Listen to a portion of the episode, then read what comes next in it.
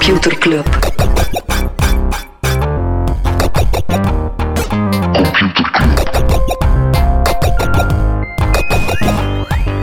Computer Club. Hey Smolly, Hey Freddy, welkom, welkom terug. welkom. Welkom bij Computer Club, een wekelijkse podcast over technologie. Iedere aflevering selecteren Freddy en ik een interessant artikel en presenteren een feitje. Niet zomaar een wekelijkse podcast over technologie. Misschien De- wel de beste, de, misschien wel de podcast over technologie. Eh, zeg, we hebben zo onze rondje, eh, we hebben ons 22 voorspellingen voor 2022. Ja? En ik had toen het, eh, het vermoeden, ik kan niet zeggen de hoop, maar het vermoeden van, zou Tesla stilaan een keer van een sokkel donderen? Hè? Van gaan ze niet keer echt een bal missen? Wat ik nu zag, is dat ze al voor de negende keer sinds oktober een terugroeping van hun wagens moeten doen. Dit keer had het, was, was het vrij onschuldig. Allee, onschuldig defect met ontdooien van ramen. Maar vorige week was het een probleem met gordels. En ook diezelfde week, ook vorige week, was er een probleem met waarschuwingsmeldingen voor voetgangers en zo. Dus Alright. ik vind negen terugroepingen sinds oktober is wel al, is wel al pittig. Oké, we gaan het niet over Tesla hebben, deze podcast. We gaan het ook niet hebben over het feit dat in Nederland nu iedereen zijn elektrische auto kan opladen aan de snelladers van Tesla. Vroeger was het enkel voor Tesla, ze hebben er nu opengesteld. Wat vindt Tesla ervan? Wat Tesla daar zelf van vindt. Zijn ze daartoe verplicht geweest? Of Ah, is dat nee, een, nee, dat was eh, een experiment. Waarschijnlijk een interessant. businessmodel of Ik zag dat ze in de VS eh 5 miljard gaan investeren in, eh, in charging. Eh, ja, dus daar als deel van dat gigantisch infrastructuurplan Hm. eh, is er 5 miljard beschikbaar voor charging Maar stations. niet, niet Tesla, maar de VS. de VS, land. het Ah, land, oké. het land gaat eh, 5 miljard reserveren voor meer chargingpunten. Geef ik, krijg ik een streaming jingle? Dat is lang geleden. Streaming. Inderdaad, is jingle is ook ingesproken door Smolly op zijn meest vrouwelijk. Eh, nee, er was zo'n beetje, beetje angst rond. Ja, hebben we met streaming stilaan het plafond bereikt? Het Netflix-aandeel, bijvoorbeeld de Netflix-groei, die echt wel eh, tegenviel. De aandeel die daardoor eh, donderde. Wat Disney, die hebben ja, die vrees een stukje weggenomen. Die hebben vorige week een kwartaalresultaten bekendgemaakt. Die hebben er 12 miljoen abonnees bij. Ze zitten op 130 miljoen, wat dat niet weinig is. En ze zitten volgens de CEO nog altijd op koers voor een heel ambitieus plan van 230 miljoen abonnees tegen eind 2024. En ze, hebben, ze maken zich ook op voor een sterk jaar. Nieuwe Pixar-films, twee nieuwe Marvel-reeksen, twee nieuwe Star Wars-reeksen en een live-action film eh, rond Pinocchio met Tom Hanks. Nu, ik vermoed automatisch dat Tom Hanks dan Giuseppe gaat zijn. Ja. En hoe goed past dat? Even serieus. Uh-huh, absoluut. Ik bedoel, dat is perfect, hè? Maar dus voilà, Disney eh, toont wel dat het eh, dat nog altijd wel stevig aan te gaan is. We blijven bij streaming. Spotify die heeft in Nederland Lil Kleine tijdelijk, of tijdelijk, ik weet niet het, zal wel tijdelijk zijn, uit de playlist geschrapt. Lil Kleine in opspraak gekomen voor de mishandeling van zijn vriendin. En ja, we hebben het de vorige keer al gehad over Spotify-platform, ja of nee. Hier gaan ze dus wel ja, gaan ingrijpen en een omstreden artiest uit een playlist eh, Ik zie er eh, Marco Borsato wel... of het is uit een playlist. Dus je kan hem wel nog altijd ja, ja, kan zoeken. altijd, ja, ja, tuurlijk. Ah, Oké, maar oké, dus het is een beetje freedom... Maar geen freedom of reach. Ja, van, we- we- freedom of speech, geen freedom of reach. Ja, Ja, maar dan wordt dan Ja. gezegd van, ja, van, van het is niet per se aan hen om... Nee. eh, maar ze moeten jou geen eh, podium geven. Zoals dat een radiostation zou zeggen, we gaan hem tijdelijk niet spelen. Pas op, het is altijd een pittige discussie in welke mate dat je de artiest en het werk... eh, Adolf Hitler, fantastische schilder. Nee, ja, Nee, maar dat, zijn- dat zijn zo van die... Ja, Van die, ja, van die ethische discussies. Ja, of zo van die, als je een kunstopleiding volgt, Inderdaad. dan, eh, dan doe je dat. Ehm, het gaat goed met Mark Andreessen, de, eh, de grote VC. nog altijd geblokkeerd op Twitter. Ja, wel, intussen heeft hij de tweet ook al verwijderd, maar heeft een tweet gedaan waarom hij geen Patagonia-vesten draagt. Oei. En dat is, I only wear vests from companies that like my kind. Oh my god. Maar echt, zo, je zou toch denken dat iemand die zo rijk is en zoveel invloed heeft op het tech-ecosysteem, dat... Ik vind het zot dat hij, ondanks zijn rijkdom, nog altijd zo zijn, zijn klein pietje moet... Absoluut. Allee, zo, dan, dan Absoluut. Oké, dat klein pietje compenseerde met uw rijkdom. Dus ik vind het indrukwekkend dat hij dan toch zo snel op zijn pietje getrapt is. Ik vind dat zot, ja. Oké, bon. Je moet al ver mekken, maar eh, het lukt. Nee, wel, we gaan straks ook nog, eh, komt hij heel even ter sprake in, eh, in mijn stuk. Over rijke bedrijven gesproken. Voor, er zijn voor het eerst wereldwijd meer dan duizenden unicorns. Product Board had de eer om de duizendste unicorn Het te is, zijn. eh, het is zot, omdat het in mijn reflex was ook van... We hebben dat ooit een unicorn genoemd, omdat dat iets vrij zot was. Weet je, dat was Mhm. iets vrij zot, dat je eigenlijk een privaat bedrijf Meer dan kon 1 zijn die, die, die zo Ja. waardevol was. En nu is dat zo... Dus verdubbeld sinds 2019, het aantal unicorns. Toen Ja. waren we 450 of zo, en nu meer dan Dat is 1000. een mooie, mooie extensie van onze episode van vorige week. Hè, maar dat we het ook onder andere over Europese unicorns Want en ik was gehad vergeten waar hebben. het voor de week over Ik ging. heb dat ook, ik heb dat ook. Ik heb dat ook, ik heb ook het gevoel van, intussen hebben we al over alles gebabbeld. Ja. Dus ik, vind, ik voel mij op een gegeven moment al niet meer schuldig. Volgens mij zouden we het, een computerklas weetje voor de tweede keer gebrengen en niemand zou doorgaan. Ik moet altijd double checken van, hebben we dat niet ooit al gehad? Ja. Zeg, ehm, eh, ik ga nog een klein beetje crypto. Niet per se, we hebben de crypto ball gehad. We hebben heel wat advertenties voor crypto.com en zo. Onder andere de Coinbase QR, bouncing QR-code. Dat ik wel Ja, nice ja. vond. Alleen, ik bedoel, kan zeggen wat dat wilt, maar het is wel keurig droog. En Dus die ik- hebben miljoenen betaald om tijdens de Super Bowl een advertentie te boeken. En dat Dat is een screensaver, zo, een QR-code zonder context bij, die gewoon zo bounce, bounce. Ja, bon. Dus, maar blijkbaar waren wel de resultaten eh, niet zo goed. Allee, ze hebben heel wat visits gehad, maar weinig app-installs. Nu, Mhm. eh, Binance, dat is die andere hele grote ehm, eh, crypto-exchange, die gaan 200 miljoen investeren in Forbes, de business website. Ah. Die gaan blijkbaar ook naar de beurs. Forbes met een SPAC. Ehm, de CEO van Binance zegt dat Forbes editorial operation will continue to be very independent. Ja, Dus, ja, ja. tuurlijk. Wanneer dat de nieuwe, eh, wanneer dat de nieuwe investeerder zegt, nee, nee, het gaat echt very independent zijn. Wat zou Zoals Jeff blijkbaar... Bezos die eh, Washington Post kocht. Ja. En dan nu, doet 2022. Jeff Bezos het wel goed. Die, Ja. die, die, het is wel, dat is op zich, maar inderdaad, je kan je wel afvragen van... eh, maar het zou ook Forbes gaan helpen met wat zij dan op hun beurt moeten doen met bitcoin voor subscriptions en zo. Een beetje een rare... Ik zie hem niet helemaal. Ehm, andere ehm, blockchain-platform die dan weer geld verliest, is BlockFi. Kennen ze zelf niet, een soort eh, DeFi-platform. Die zijn eh 100 miljoen dollar beboet door de SEC, eh, SEC de beurswaakhond. Eh, Gary Gensler is daar de baas. Het is wel interessant, want die man staat nogthans bekend als een blockchain-expert, of iemand die het wel snapt. Dus ergens wordt er zelf gematigd positief op gereageerd van oké, dat is een boete, maar het toont wel dat er stilaan duidelijkheid komt over het wettelijk kader dat die Mhm. platformen... eh, het gaat dan specifiek over een soort crypto-lending product dat in een grijze zone zat. Dus daarvan zeggen ze nu van stop daar eens mee, eh, dat doet geen goed aan de algemene zaak. Alright. Freddy, zijn er nog dingen waar we het niet over gaan hebben? Ik heb eh, op de valreep nog een shitty NFT yes. gescoord. Allee, als ik zeg gescoord, bedoel ik niet gescoord. Van, ik heb hem gewoon neergeschreven. Maar misschien moet ik het gewoon claimen. Heb, je, heb jij al een JAT? Een wat? Een JAT. Y-A-T, een JAT. Nee. Wel, wat is een JAT? Het is een, eh, een Jan, combinatie van 1 tot 5 emojis. En die combinatie kan jij dan kopen en dat wordt dan jouw uniek ID of Oh, wallet URL. Het is echt, ja, je kunt Ja. dus... Bij deze heeft er ook iemand gezegd, ah, we gaan emojis Ja, ik ga ook woorden beginnen. eh, met mijn wel woorden kunnen, scoren van vandaag. Dus Ja. afhankelijk van hoe uniek dat ze zijn, is het een, hoeveel combinaties van is Vijf aapjes op een rij zal Voilà. duurder zijn. Dan, ja. of één, eh, die gaat van, van enkele dollars tot een half miljoen. Je hebt bijvoorbeeld Half al bekende, bekende endorsers, ja natuurlijk de queen of de NFT's, Paris Hilton, eh, die heeft eh Kroon en dan Sparkle, hè, zo dat, dat, dat, dat sparkle Ja, ding. ja. Eh, Lil Wayne, die heeft een alien en een muzieknootje. Wat zou jou, wat zou jouw jet zijn, Smolly? Goh, Dan koop ik hem misschien voor jou. vijf puppyoogjes. Of eh, nee, zo met de bril.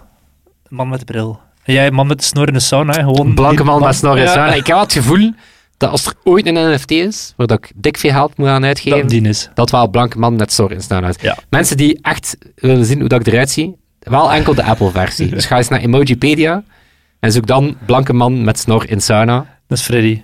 De donkerharige variant is, het is, het is crazy. Het is crazy. Oké, ik ga het, eh, ik ga het internet op. Ik ben klaar voor NFT's en ik stop bij deze ook met kritiek te hebben op die space. Alright, we gaan er straks, hou het woord NFT nog vast, we gaan er straks dieper op in. I go deep. Freddy, we gaan ook nog een nieuwsbrief publiceren deze week. Nieuwsbrief.computerclub.online. Ik heb geen idee hoe dat erin gaat staan. Echt niet. Dat is altijd, eigenlijk is dat het nog spannender dan een podcast. dat zo, wat zit er in die schemerzone tussen dinsdag, wanneer we de podcast opnemen, en donderdag, wanneer dat de nieuwsbrief Ja, s ochtends. doet. Dat is de meest intense 24 uur uit als ons leven. een bedrijf, ooit een Belgisch bedrijf, ooit een kapitaalronde wil doen, dat is het moment om hem aan te kondigen en ons te sturen als De kans dat we jouw persbericht één op één gaan ja, is eh, ja. ja, met slechte lol erbij. Perfect. Dat is eigenlijk wat we doen. Eh, ik ga eh, ook wat terugkomen, allee, wat terug, ik ga wat verder, verder breien op een, een voorspelling die ik, die ik ook gezet had. En dat ging over het feit dat tv's van heel saai naar een heel ja, boeiende nieuwe battleground zouden gaan. En wat Ik bedoel, voor het toestel TV. toestel, de tv, hè, de tv gaat plotseling weer heel boeiend worden. Ehm, had ik toegezegd naar aanleiding van onder andere ruzie tussen YouTube TV, wat, het, ehm, ja, wat echt de tv-versies van Google. Hè. Dat is echt een soort YouTube TV. Dus niet YouTube maakt kanalen en zenders enzovoort, maar dan, dan uh, in een streamingjasje. Uh, en Roku, dat is dan een streaming device. Hè, die zei van ja, jullie mogen daar niet meer op. Alle heisa van din. Of bijvoorbeeld uh, de BBC, die ook op de Fire TV van Amazon zijn plekje wilt. Hè, waar dat die openbare omroepen altijd al een plek krijgen op klassieke kanalen, zeggen die ook van ja, wij willen ook op die streaming mozaïek. Dus dat was toen al een aantal brandjes. Ik heb nu een goed artikel gevonden van uh, professor Evan Shapiro. Dat is een professor media bij NYU Stern. Dus laten we zeggen, een man die wellicht iets kent van het medialandschap. Uh, en hij, hij gaat daarin over CTV's, wat kort is voor Connected TV's. Um, en die zegt eigenlijk van, eigenlijk is de tijd van die streaming devices, zo die Chromecast en zo, die is stil aan voorbij, maar daar ga ik meer op in. Maar die maakt vooral het punt, die Connected TV, dat gaat, uh, dat gaat het nieuwe businessmodel of de nieuwe App Store-eske uh, ja. van de toekomst uh, worden. Dus die gaat een beetje het punt maken van, eigenlijk gaat die strijd echt wel dezelfde kant uit als ja, bijna de strijd tussen Android en, en, en, en iOS. Dus wie dat eigenlijk het grootste um, tv-besturingssysteem ja. kan maken. Um, maar misschien ja, een beetje, beetje cijfers, want het is, hij onderbouwt het wel goed. Um, per jaar worden er 250 miljoen tv's verkocht. Dat is wel hè? Ja. Om de hoeveel jaar wordt een ge vervangt een gezin... Nee, later. Vijf. Nog Zeven. Zeven, ja. Zeven, ja. Dus dat, dat, is tot op heden de cyclus van tv's. Dus hij zegt, kijk, tussen nu en 2025 krijgen we er 1 miljard nieuwe tv's bij. Mm -hmm. Interessant.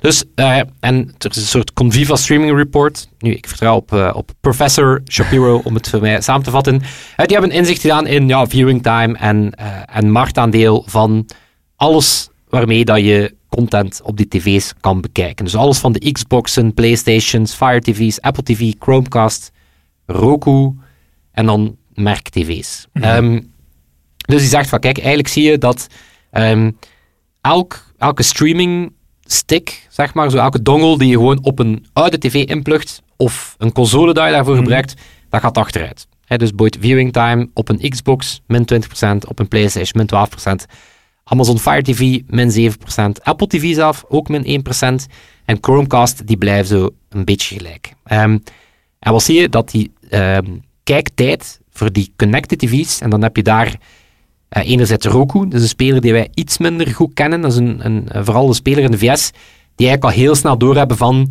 er, gaat het, er is een soort bestaansrecht voor een aggregator van alle mm. streamingdiensten. Eigenlijk waar die al heel lang ja, een beetje de, de vitrine voor al die andere streamingdiensten verdienen daar ook geld mee. Die zijn bijvoorbeeld ook geswitcht van zo'n klein sticky in je tv naar echt zelf tv's gaan maken. Dus je hebt Roku, dan heb je Samsung, dan heb je LG en dan heb je alle andere tv's, die Sony, Android TV. Philips. Ja, Ja. en die Sony, Philips, eh, die gebruiken allemaal ehm, Android TV. En dan zie je, ja, Samsung 27% stijging, LG 36% stijging, Android TV 42% stijging. Dus ja, dan zie je wel van die connected TV's, dat wordt ja, het, het, ehm, het model van de toekomst. En dat beseffen ook die, eh, de Googles en de Amazons van bijvoorbeeld, die Chromecast, ja, die, krijgt, die kent eigenlijk geen groei meer. Ehm, en fabrikanten melden ook van ja, wij horen ook bij Google dat ze ons veel meer Android TV komen pushen dan dat ze ooit tevoren deden. Uh, Amazon, uh, die Fire TV stick, op, opnieuw is het toestel dat wij iets minder goed kennen. Ik denk dat wij meer in Chromecast land zijn. Um, maar daar zet Amazon ook meer in op zijn eigen tv's. We hebben daar trouwens een nieuwsbrief 34. Ik ken dat allemaal, ik heb dat, heb dat, ik dat opgezocht. Um, nee, zijn we toen eens gaan kijken naar die tv's, die doen blijkbaar heel goed.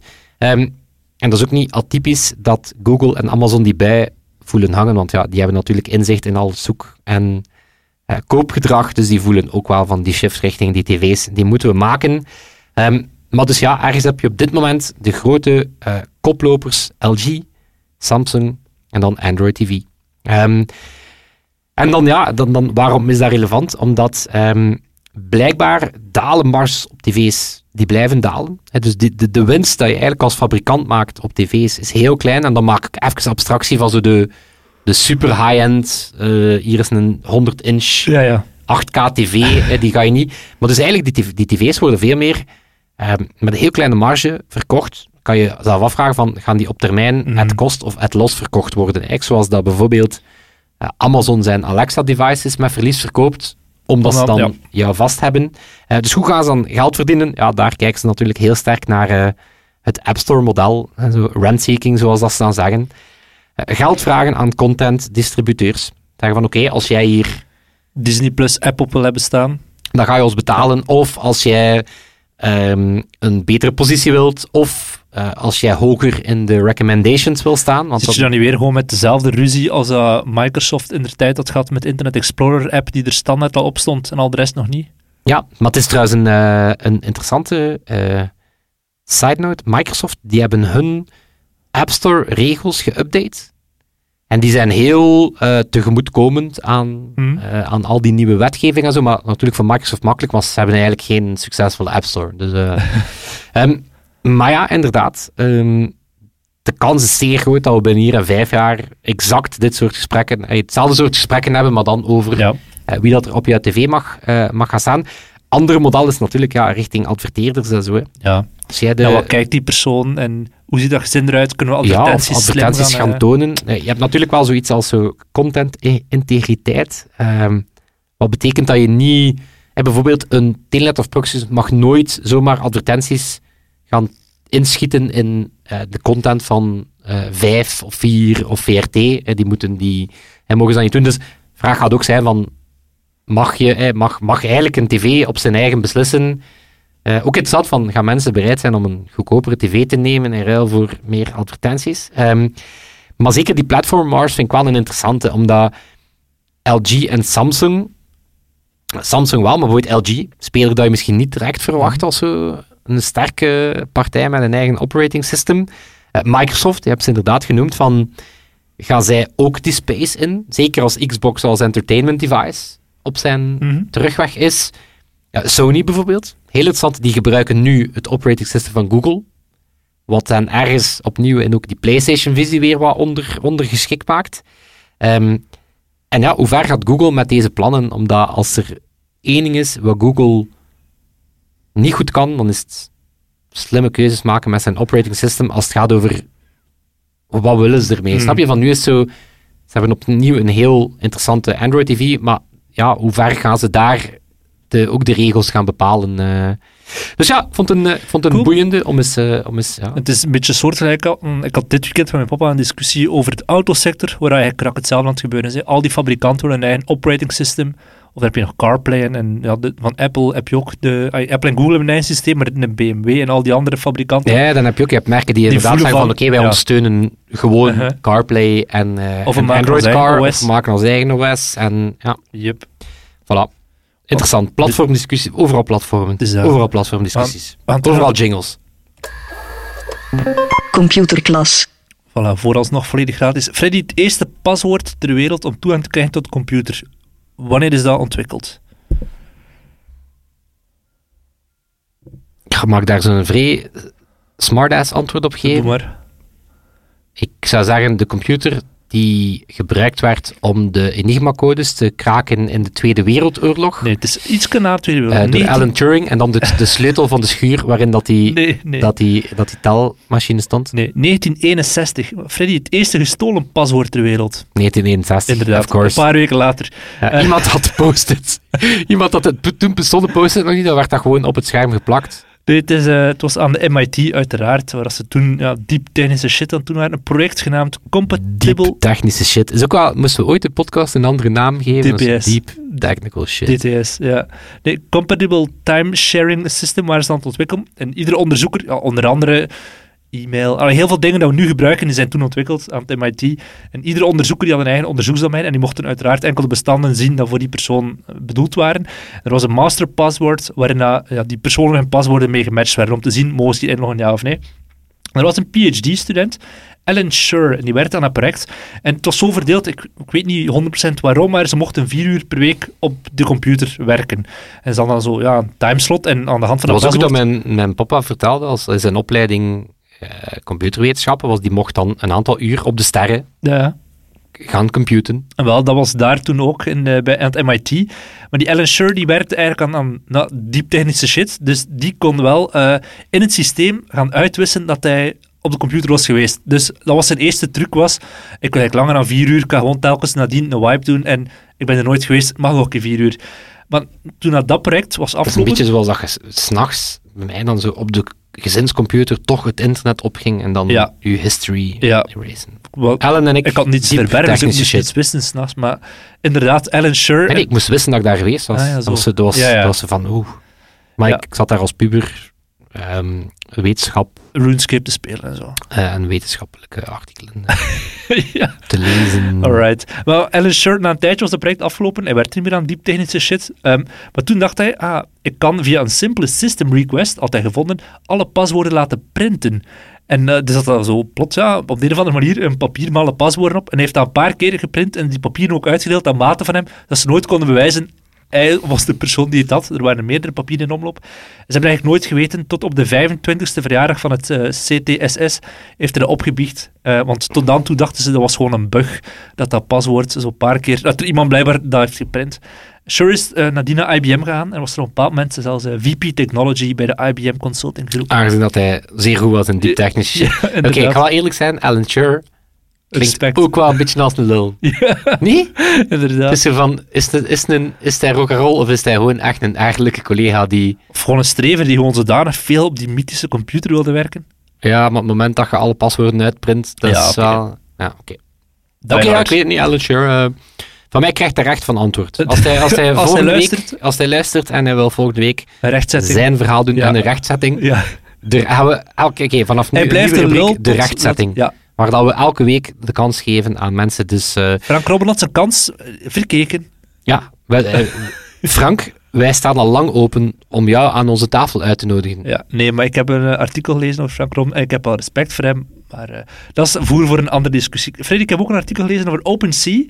OpenSea bestaat nu vier jaar en is 13 miljard dollar waard. Het is uh, Swedens grootste marktplaats voor NFT's. Vandaar dat ik al zei, eh, wat hij over NFT's, dat is wel zot. 13 miljard op vier jaar tijd. Dat is een beetje zoals die tijdens de Gold Rush. Wie werd dan vooral rijk? Ja, de mensen die schoppen verkochten. Uh, OpenSea is een beetje dat platform momenteel. Vorig jaar zijn er voor 30 miljard aan NFT's verkocht. En momenteel hebben ze 80 miljoen verschillende NFT's staan. En maandelijks verwerken ze 3 miljard ja, alle emoji, alle emoji en Al elke die mogelijke combinatie, dat is hè, dat rap, hè.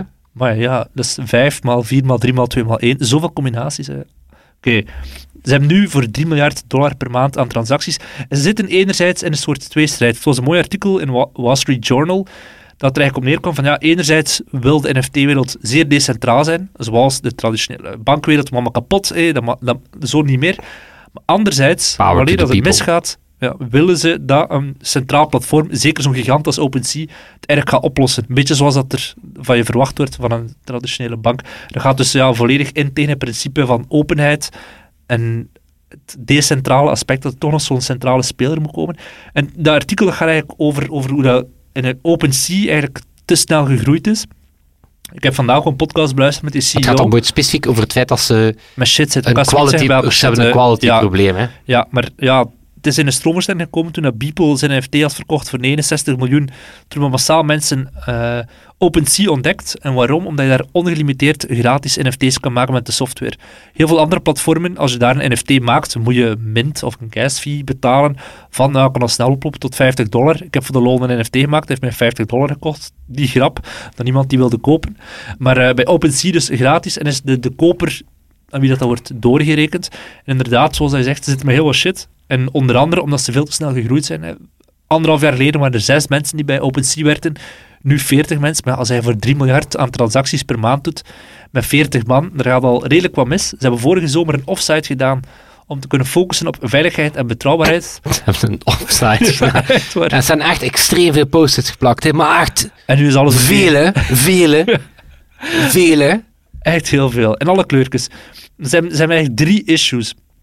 De eerste is, oké, dat is de, de minst erge. Handel met voorkennis. Er was een bij OpenSea die wist van, ah, deze NFT gaan we volgende week promoten. OpenSea zijn, dus ik zal er zelf een paar kopen. En als ze uitkomen, die persoon is uiteraard ontslagen. Dat heeft eigenlijk niets te maken met of dat nu een NFT is of niet. Dat, kan, dat gebeurt bij Christie's waarschijnlijk ook, of bij andere platformen. Ja, het, het ergste, eh, enerzijds het, eh, het feit dat er bugs in zaten, technische bugs. Op een bepaald moment was er een bug waardoor dat je een NFT vooral van die Board Ape Yacht Club, die, eh, er was kwetsbaarheid in het systeem waardoor hij ze kon kopen aan de oude prijs. Dus als, stel iemand had jouw aap gekocht voor 1000 dollar, hij zette die te koop voor 4000 dollar, of maal 1000, ja, 4 miljoen, hè, eh, dan konden ze nog alsnog door een van de bug dat kopen aan die originele verkoopprijs. En waar ze nadien...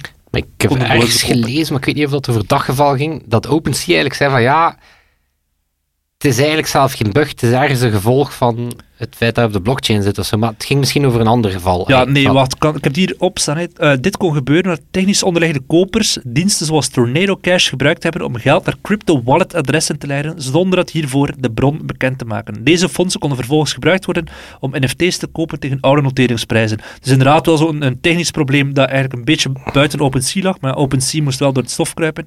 En ze hebben 750 Ethereum betaald aan eh ja, schadevergoeding naar mensen, dat is wel 2 miljoen. Dat is dus al kwijt waar klein geld is. En op zich, ja, dat is gewoon een kwestie van tijd voordat die technische issues kan fixen. Veel moeilijker is het feit dat heel veel gestolen eh, kunst te koop staat op, eh, als NFT op OpenSea. Of gewoon, ja, crypto art, eh, deviant art, wat dan nu blijkbaar onderdeel is van Wix, dat wist ik niet. Die hebben een rapport naar buiten gebracht en ze zeiden, ja, er staan 25.000 gestolen afbeeldingen Ja, want NFT ze hebben, een, ze koop, hebben een tool die hun artiesten eh, op de hoogte stelt ja. als er, eh, als er, eh, als er kopieën van hun werk... En dat is inderdaad dat is, dat is, dat is de, dat is de single point of failure van een blockchain. Want inderdaad, zo, er wordt daar gezegd, ah, een blockchain is interessant omdat je, je hebt zo traceability van iets. Hè. Je kan Mhm. inderdaad echtheid en dat is, dat is, ehm, dat is, je kan niet fucken met, die, met dat logboek. Hè. Bijvoorbeeld afkomst van eten. Ah, weet je, maar iemand moet dan altijd in dat systeem steken. Snap je? Zo, er is... Als hij de persoon bent die een foto van Freddy in het systeem steekt, zonder dat Freddy daarvan weet, of zonder dat de fotograaf daarvan weet, eigenlijk vooral. Ja. Ja, en eh, ook daar, OpenSea moest door het stof. En eh, ze hebben op een bepaald moment gezegd, we gaan, je mag niet meer ongelimiteerd gratis NFT's maken. Het was dan een bepaald... Het heeft 24 uur geduurd. Dat ze zeiden, je mag er maar 50 of zo maken. Ja, heel veel backlash opgekomen van Ze mensen hebben dit zeiden, inderdaad moeten na terughandelen. 24 uur terug, teruggedaan. En toen hebben ze een Twitter-thread gemaakt met, ja, we're sorry, we gaan dat ongedaan maken. Daarin stond onder andere, meer dan 80% van de gratis aangemaakte NFT's op OpenSea is gestolen of is spam. 80%. Ja, dat is gewoon waanzin. Hè. Ze is gewoon boven hun eigen ge- hoofd gegroeid. Ze verwijderen 3500 NFT-collecties per week, omdat spam is of wat dan ook. Ja, dus dat is, dat is het grootste probleem. Ehm, maar zij zijn zich ervan bewust dat er echt wel issues zijn. En uh, Andreessen eh, is net al ter sprake gekomen, dat is een van de grootste investeerders in uh, OpenSea. Ze hebben uh, Mrs. Haan in de board gezet. Ze was daarvoor federal prosecutor, die bezig was met de regulering van crypto en met al die wetgeving er rond. Maar er, er zitten heel veel problemen met het gelijk. Het is niet alleen OpenSea, OpenSea is gewoon het grootste platform die Ja, daarmee maar dat, dat, daarom dat op wellicht een aantal uitzonderingen na, er zijn weinig dingen die decentraal echt werken. Omdat hier inderdaad, wat ga je... een centrale je, autoriteit nodig die zegt... Wat ga je inderdaad krijgen? Oké, okay, je gaat kwaliteitscontrole krijgen. Ja. Eh, zeker, zeker bij dure werken ga je willen verifiëren van, eh, is dat wel van de echte artiest? Iemand gaat dat verifiëren bij, bij OpenSea. Daar gaan ze terecht geld voor aanrekenen. Mhm. Mm -hmm. Zoals ook een veilinghuis doet. En voilà, dan kom je ergens terug bij... Een centrale autoriteit. Centrale die, uh... Ik hoorde Ben Evans nog, nog een goeie van... Uh, die zich afvroeg, ik vind het wel interessant, van... Is um, heel die DeFi of heel die dat decentraal denken of Web3 denken, is dat zo... Moet je dat in zijn totaliteit aannemen of niet? Of moet je daar stukken van aannemen? Mm. De onderliggende technologie, maar erboven ligt er wel. Ja, voilà, voilà. Betekent Web3 gaan dat je inderdaad all-out geen tussenpersoon mag hebben? Of kan je inderdaad zeggen van oké, okay, we gaan nog altijd een soort middleman creëren die bepaalde dingen doet. Snap je van? Of, of, die een mooie user interface over. Voilà, van, is dat oké okay dat we. Of, of, of pissen we daardoor op, volledig op de. Zo van wanneer vervuil je complete visie en wanneer ben je eigenlijk gewoon pragmatisch aan het denken open naar. source de filosofie gebruiken om de commerciële Odoo bijvoorbeeld. Dat is open source software, maar in een commercieel jasje. Ja, of, of het was, hij maakt hetzelfde punt rond open source van ergens dachten we van, ah ja, dit gaat de Microsoft en MS uh, Office en zo aanvallen.